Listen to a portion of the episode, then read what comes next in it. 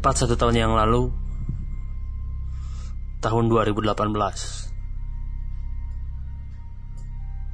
saya menapakkan kaki dan masuk ke dalam dunia yang baru.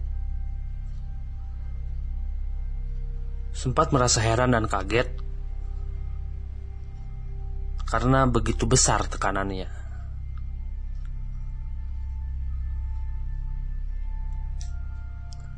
Dunia yang awalnya luas, hari demi hari semakin menyempit. Serasa setiap orang punya dunianya sendiri, padahal kita semua hidup di dunia yang sama. Yang sampai buat saya heran,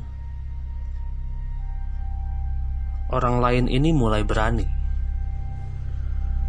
Mulai berani menyentuh ke dunia yang saya punya bahkan mencoba memasuki dan menjadi diktator di dalamnya. Ingin ikut seperti mereka, tapi bisikan pun muncul dan berkata, "Jangan."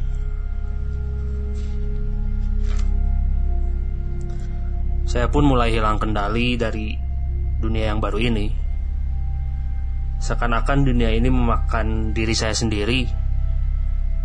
Bahkan yang paling gilanya tuh orang lain pun ikut terjun untuk menikmati betapa terpuruknya saya. Sempat berpikir ini kan cuma seakan-akan. Ya, ini cuma perasaan. Lama berpikir dan bertanya-tanya akan kenapa dengan dunia yang baru ini. Akhirnya pun saya terjatuh dengan berharap menunggu momen yang dirindukan datang kembali.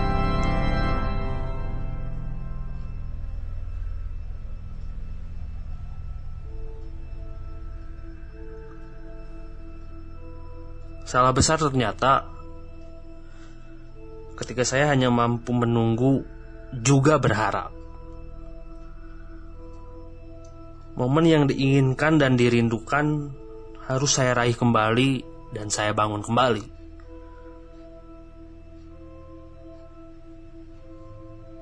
Tak menyangka ketika proses bangkit dari dari untuk membangun semua mimpi-mimpi yang saya punya, ternyata satu persatu hal positif datang. Yang mulanya dunia terasa sempit, kini dunia tersebut menunjukkan kuasanya bahwa luasnya sungguh luar biasa.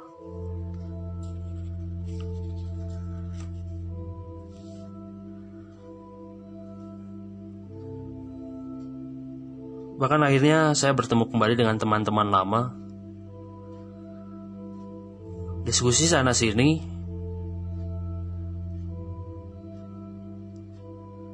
Bercerita sana sini. Dan ternyata rasanya sungguh nikmat sekali.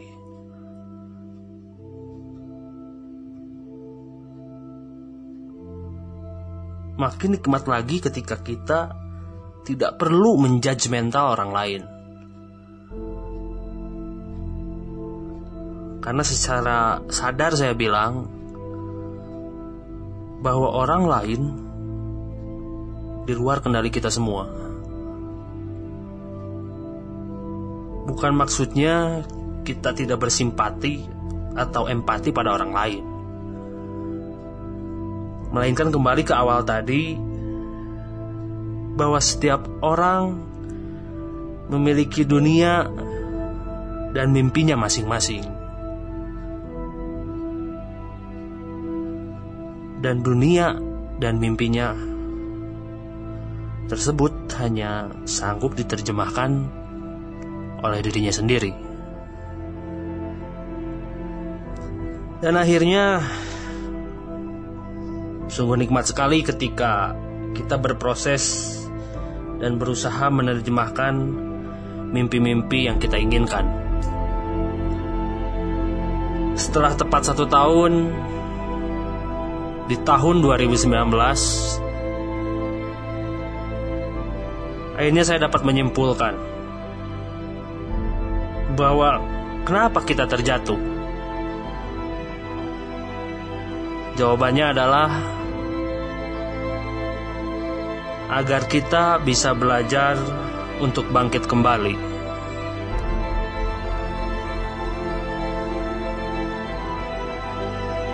Saya Deddy Mujahidin Monolog